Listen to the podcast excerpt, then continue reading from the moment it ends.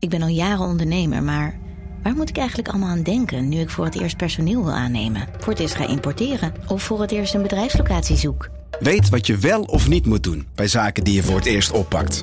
Check kvk.nl voor praktische stappenplannen. KVK, hou vast voor ondernemers. Al 125 jaar kwaliteit voor jou thuis met Miele. Dat vieren we met jou. Ontvang nu tijdelijk een cashback tot 125 euro op veel Miele-apparatuur. Geniet van de kwaliteit van Miele. Voor perfect verzorgd wasgoed en kleding die veel langer mooi blijft. Voor een stralend schone vaat, even perfect als jouw diners. En een stofvrij thuis waarin echt hygiënisch schoon de standaard is. Check miele.nl voor alle feestelijke aanbiedingen.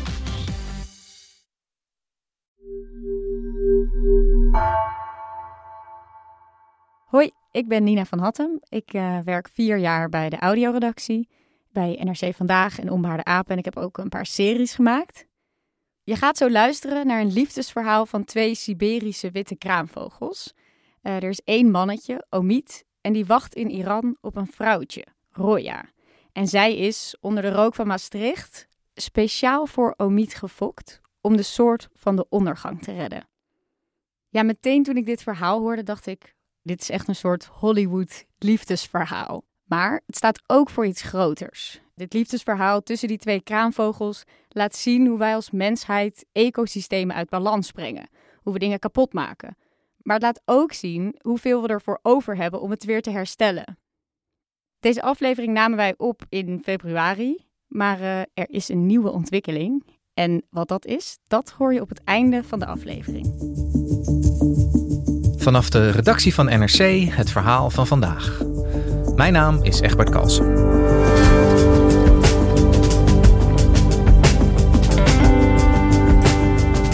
Redacteur Arjen Ribbens vertelt ons het onwaarschijnlijke liefdesverhaal van twee Siberische witte kraanvogels.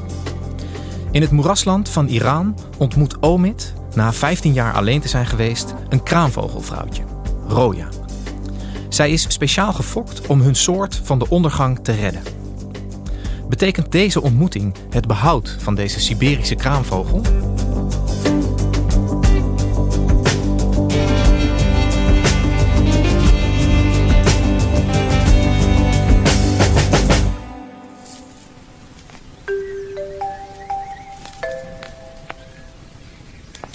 Dit is een onwaarschijnlijk liefdesverhaal. En dat liefdesverhaal dat begint op een uh, winterdag, nog maar kort geleden, in een waterrijk moerasland in een natuurgebied in het uh, noorden van Iran, vlak bij de Kaspische Zee. En midden in dat drassige land, daar woont in de winter ieder jaar een Siberische witte kraanvogel die Omid heet. En Omid is een grote vogel, 1,40 meter uh, hoog ongeveer, met bijna uitsluitend witte veren, een grote rode snavel. En wat is zo bijzonder aan Omid? Omid is de laatste vogel van een populatie die ooit groot moet zijn geweest. Een, een populatie die broedt in het westen van Siberië en die ieder jaar overwintert in het noorden van Iran. En sinds de winter van 2006 is Omid de laatst overgebleven vogel van deze populatie. En Omid vliegt dus al 15 jaar ieder jaar op en neer van West-Siberië naar Noord-Iran in zijn uppie, alleen op de wereld. En daar komt nu mogelijk verandering in. Daar staat Roya, een iets kleinere Siberische witte kraanvogel. Ze schudt met haar veren, haar snavel gaat omhoog en ze laat haar lokroep horen. Ze heeft haar lokroep nog niet laten horen of daar komt Omid aangevlogen. Hij antwoordt direct.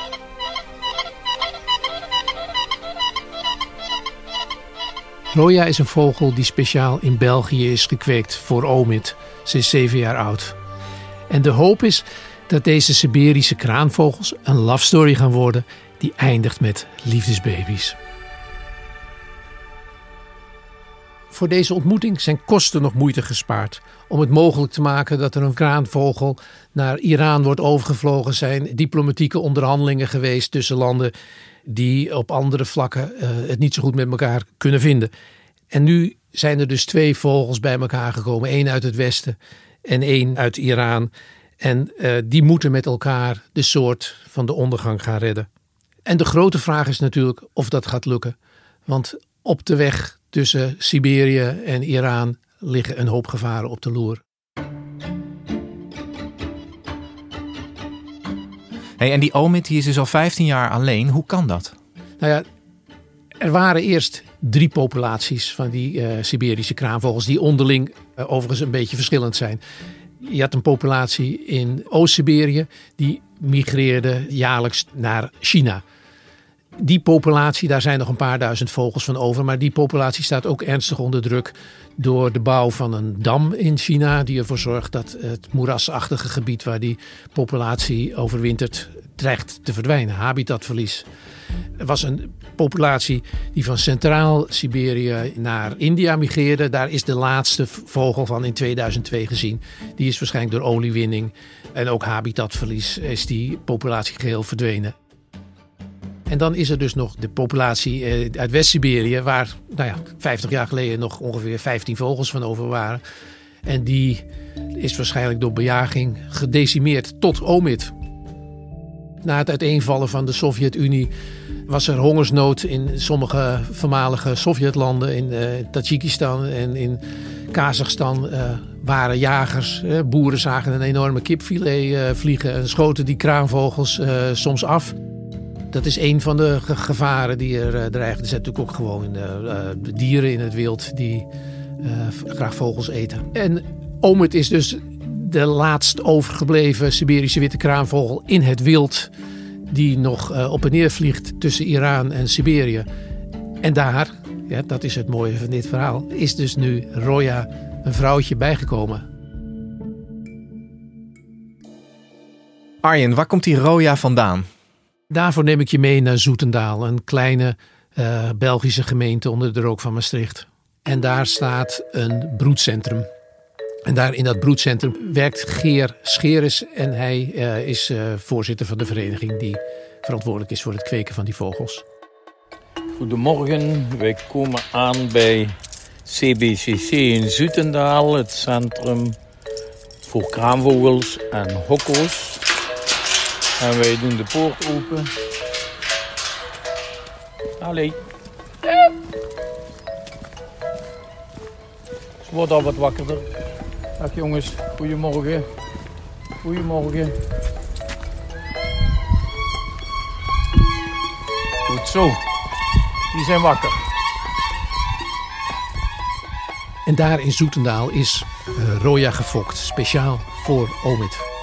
Omid is een, uh, een mannetje en hij vliegt al 15 jaar zonder vrouwtje. De hele migratieroute, zo'n 6000 kilometer.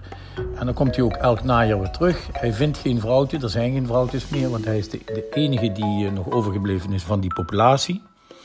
En um, de vraag hadden wij gekregen jaren en jaren geleden om, om te zorgen dat er een vrouwtje bij komt. En dat vrouwtje, dat is Roya zo'n fokprogramma voor bedreigde vogels en dus ook deze kraanvogels. Hoe is dat nou tot stand gekomen? Daarvoor moeten we 30 jaar terug in de tijd. Toen hebben uh, klimaatbeschermers een uh, Memorandum of Understanding uh, opgezet. het is een, een, soort overeenkomst met twaalf landen waar die drie populaties Siberische witte kraanvogels voorkomen. Dat is Rusland, China, India, Iran en de, nou ja, de voormalige Sovjetlanden waar de vogels overheen vliegen. En daar is geld voor beschikbaar gesteld door de Verenigde Naties, 10 miljoen dollar. En uh, nou ja, er zijn universiteiten bij betrokken, uh, dierentuinen en broedcentra uh, op verschillende plekken in de wereld. En daar is geprobeerd om vogels te kweken die gekoppeld kunnen worden aan die laatste in het wild levende Siberische kraanvogels. Dus die, die twaalf landen waar die kraanvogels zeg maar van oorsprong uh, nou ja, in ieder geval voorkwamen, die zijn gaan samenwerken om te zorgen dat uiteindelijk deze roya uh, gefokt kon worden. Hoe is dat precies gegaan? In 2008 zijn ze in dat kweekcentrum begonnen met het kweken van een partner voor Omid. En dat is een lange tijd, maar het is ook een heel ingewikkeld proces, heeft Geert mij uitgelegd, om een vogel te fokken die precies aan de goede kwalificaties voldoet om een partner van Omid te zijn. Je moet een vogel voor Omid zover krijgen dat hij natuurlijk als, als vrouwelijke vogel, dan moet je weten of die ook eieren legt. Want je kunt natuurlijk geen onvruchtbare vrouw naar Omid sturen, dat, dat lost ook niet zoveel op. En dan die eieren die ze legt, die moeten dan ook bevrucht zijn. Dus ze moeten paring kunnen aangaan met een mannetje, dat is ook gebeurd. En dan moeten ze ook broeden natuurlijk. En kuikentjes uh, kunnen grootbrengen. En dat heeft zeven jaar geduurd totdat we wisten dat Roya dit allemaal deed. En dan is het natuurlijk ook tijd dat je zegt van goed, we gaan haar uh, naar Omid sturen. Hoe hebben ze Roya uiteindelijk uh, naar Omid gestuurd? Hoe hebben ze haar in Iran gekregen? In een kist. Maar uh, voordat die kist op transport kon, moest er veel diplomatie uh, worden verricht. Het zijn uh, natuurlijk de betrokken landen, Rusland, Iran en de, de, landen hier in het Westen. Dat gaat niet heel erg goed op heel veel terreinen. En omdat er een vergunning nodig is om die kist op transport te sturen, moest er veel onderhandeld worden. En het luisterde nauw, want Omid vliegt altijd in de tweede week van maart terug naar Siberië. Dus er was een strakke tijdplanning. Maar gelukkig is het uiteindelijk gelukt, vijf dagen voor het geplande transport, dat Roya op transport mocht.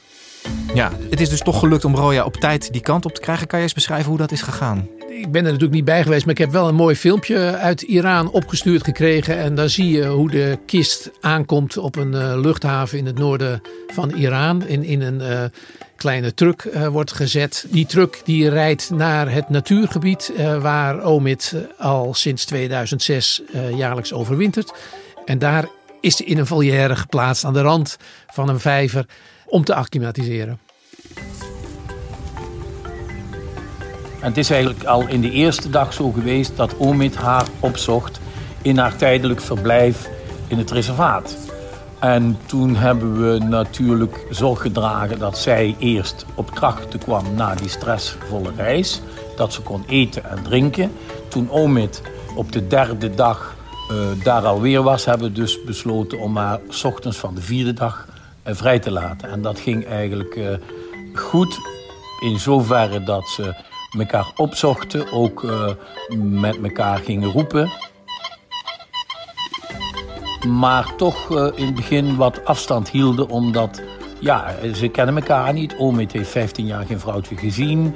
Roya was wel vriendelijk, maar vertrouwde het ook allemaal niet zo eerst. En dat heeft zich allemaal eigenlijk heel goed gelegd. Zij is ook al gevlogen naar, naar het gebied waar waar Omid gaat slapen, s'nachts. De vonk is uh, absoluut overgeslagen. Ze zijn de hele dag uh, en nacht bij elkaar nou. Ze vliegen ook al, dus we hopen echt dat het allemaal zo gaat lopen als wij verwachten. Ja, Arjen, de, de liefde lijkt dus aangewakkerd te zijn tussen, tussen Roya en Omid. Na een heel lang proces van dit voor elkaar brengen. Hoe gaat dat nu? Worden ze goed in de gaten gehouden daar? Nou, het natuurgebied is afgesloten voor uh, buitenstaanders, voor mensen die er niet te zoeken hebben. Het is in Iran, heb ik me laten vertellen, door hier groot nieuws. En uh, Omid is ook een vogel die, nou ja, omdat hij de laatste overgebleven is van zijn soort, geniet hij in Iran bekendheid. Nou, de mensen van het kweekcentrum in België zijn er dus niet uh, bij uh, ter plekke. Maar worden voortdurend op de hoogte gehouden. Dus uh, Geer vertelt hoe hij voortdurend telefoontjes en videootjes opgestuurd krijgt over alles wat er gebeurt. En vragen. Als de twee vogels 15 meter uit elkaar staan, dan krijgt hij onmiddellijk de vraag van, gaat het nog wel goed?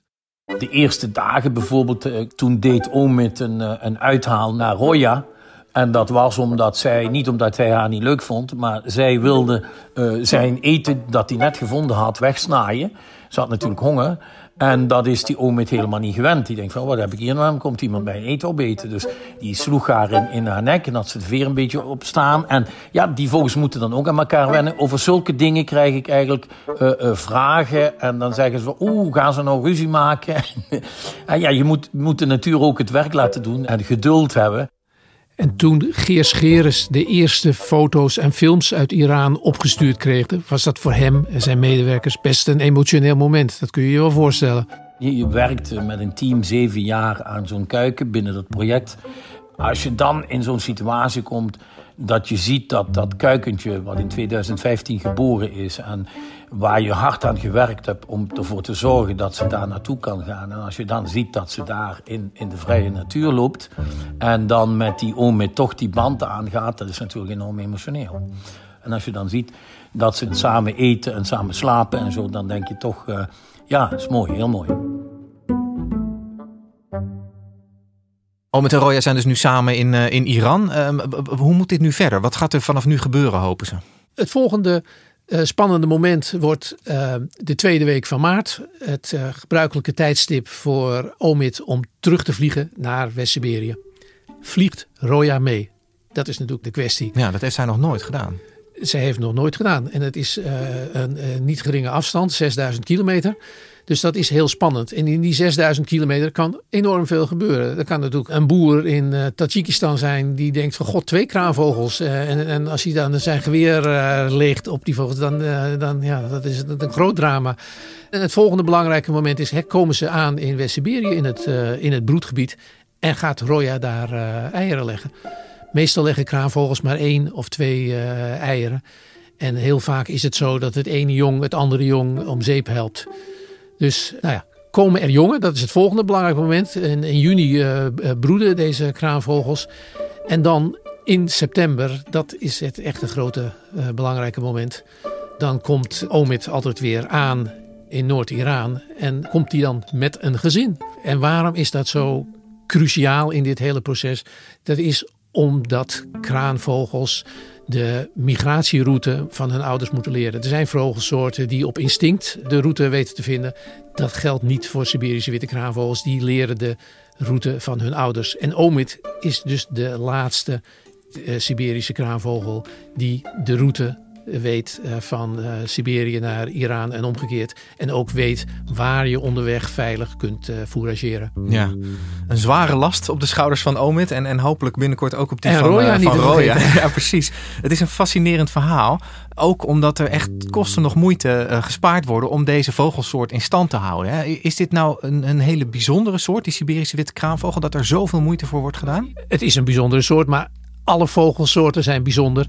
Deze vogelsoort heeft het moeilijk gekregen door de mens. Dus ik snap uh, verdraaid goed dat er zoveel uh, geld en tijd en inspanning uh, geleverd wordt om deze vogelsoort te redden. Het, het, is omdat we in China een dam bouwen, verdwijnen de moerasgebieden waar, waar de Siberische kraanvogel die daar leeft zich happy voelt. Wij schieten die vogels, wij winnen olie.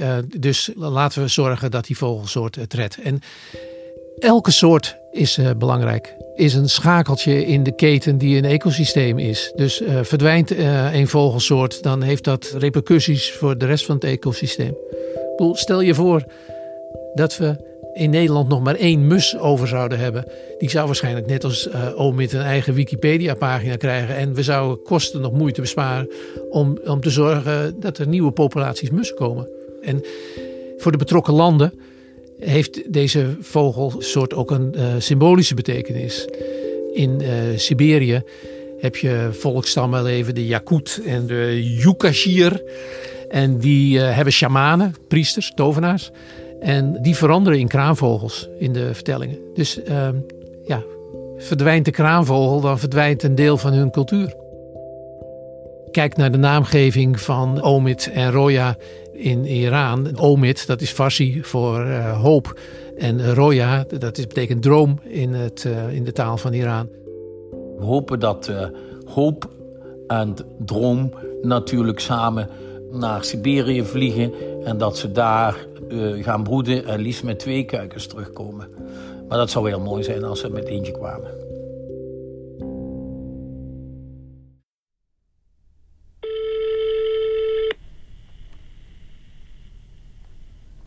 Ah, Nina. Hey Arjen, um, ik ben wel benieuwd, hoe is het afgelopen met de kraanvogels? Het is helaas niet goed uh, gegaan, uh, Nina. De kraanvogels zijn op uh, 5 maart zijn ze uitgevlogen vanuit het natuurgebied in Iran waar ze met elkaar kennis hebben gemaakt. Toen zijn ze noordwaarts gevlogen richting Siberië naar het broedgebied. Uh, voor deze kraanvogelsoort. en na vijf dagen in het noorden van Iran is uh, Omid in zijn eentje doorgevlogen en is Roya achtergebleven. Oh jee, en waarom is ze achtergebleven? Ja, dat kunnen we moeilijk aan haar vragen.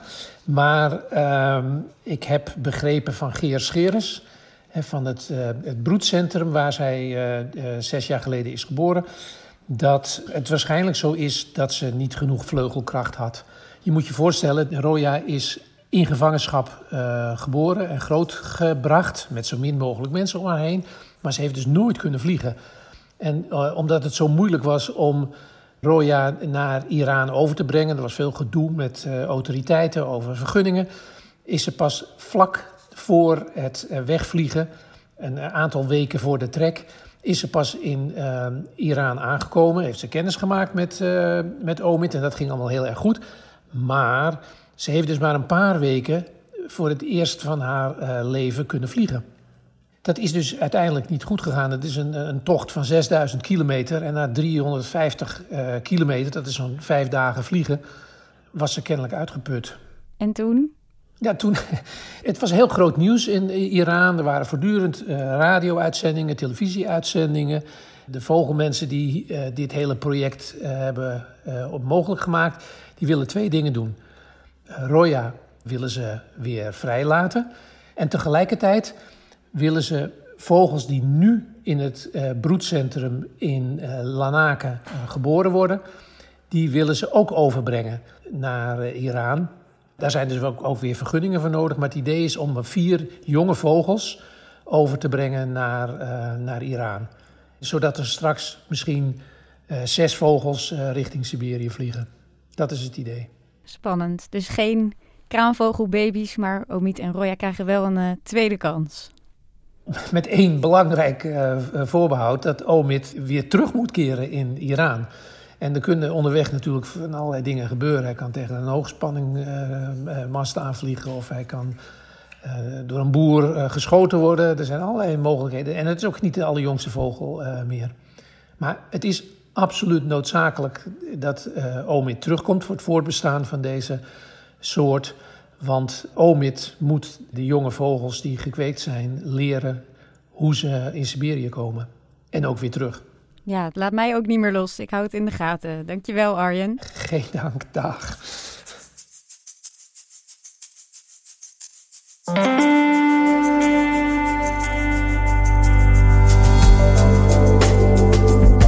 Je luisterde naar vandaag, de podcast van NRC.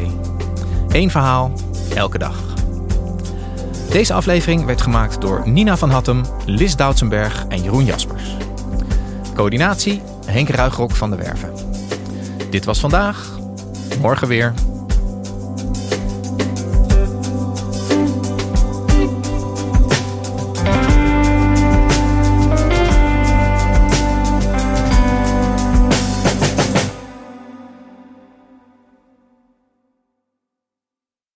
Technologie lijkt tegenwoordig het antwoord op iedere uitdaging.